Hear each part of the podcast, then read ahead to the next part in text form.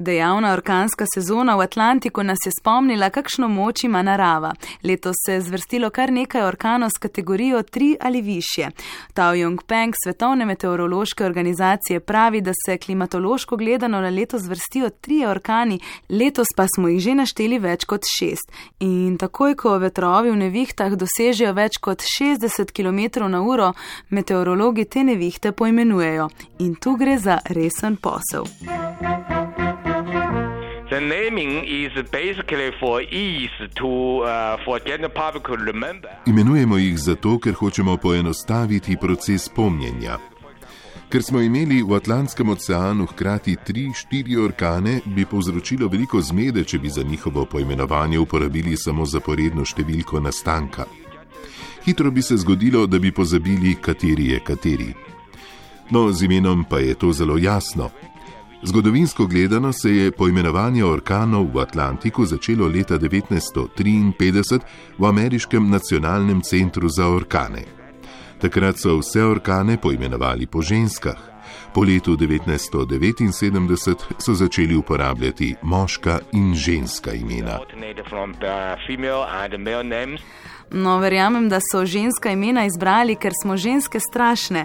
Počasi se v nas kuha mula, a ko dosežemo stopnjo vrelišča, izbruhnemo in uničimo vse pred seboj. Well, this, this is, uh, concrete uh, that, but uh, Nimam dokazov, da bi lahko potrdil to tezo. Vem pa, da so bili takrat meteorologi v večini moški. Morda so želeli z izborom imen pokazati spoštovanje do žensk, ali pa so izbrali neko ime, da bi si ga lažje zapomnili, ker so to žensko poznali. Ker delujemo v okviru Združenih narodov, veste, da se veliko ukvarjamo tudi z vprašanjem spolov. Ni bilo pa povsod enako.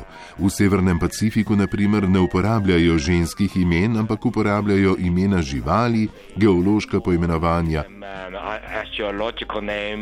Denimo tajfun, da mrej pomeni slon, jelavat, krab, papirun pa ime tajskega boga dežja. Vsako ime ima svoj namen in pomen. Tudi za območje Avstralije, kjer so na začetku tropskim orkanom dali prav posebna imena. Start uh, with like uh, the using a politician's name as a, as a hurricane because V Avstraliji so najprej začeli orkane poimenovati po politikih. To pa verjetno zato, ker v tistem trenutku niso bili najbolj priljubljeni v državi.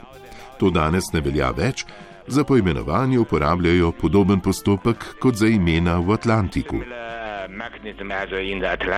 V večini primerov se imena orkanov prenašajo iz leta v leto, izjema je jugozahodni del Indijskega oceana, tam izberejo vsako leto nova imena. V Atlantskem oceanu pa se zaporedja imen ponovijo vsako sedmo leto, razen če je bil orkan izjemno uničujoč. Takšno ime potem umaknejo s seznama zavedno. Katrine ni več, letos bodo odločali, ali s seznama črtati tudi Harveja, Irmo, Hozeja in Marijo. We discussed that to change your retire name or the name during the meeting. V našem centru se potem dogovarjamo o upokojitvi imen orkanov.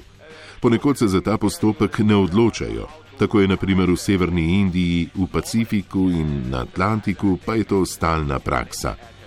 Upokojitev imena sledi resnemu postopku. Najprej ocenimo, koliko škode je povzročil orkan in koliko je bilo mrtvih. Po tej sezoni se bomo srečali in predlagali upokojitev nekaterih imen. Pomembno je, da smo na teh združenjih Or sklepčni. Kako se potem odločate o novem imenu, kakšni so predlogi, kakšne so smernice, da se odločite za eno poimenovanje, čemu sledite? For one name, there are several proposals. Člani komiteja predlagajo novo ime, potem poteka glasovanje, zmaga pa seveda večina. Imamo nekaj pravil. Ime mora biti lahko zapomljivo, preprosto za izgovarjati, biti mora politično neutralno, pa kulturno in versko neutralno. Vse to moramo spoštovati. neutral to, culture. I mean, that means no offense to any. We have to respect every every member's culture, religion, or, or whatever. Imena se ne smejo navezovati na določenega človeka, morajo pa biti običajna in znana določeni regiji. Ker je vse črno na belem, lahko že zdaj vemo, da bo prvi orkan v Atlantiku prihodnje leto imenovan Alberto, leta 2019 pa Andreja in tako naprej po abecednem redu. Vsi seznami imen v vseh oceanih so sicer objavljeni na spletni strani Svetovne meteorološke organizacije 3x2nv.vmo.int.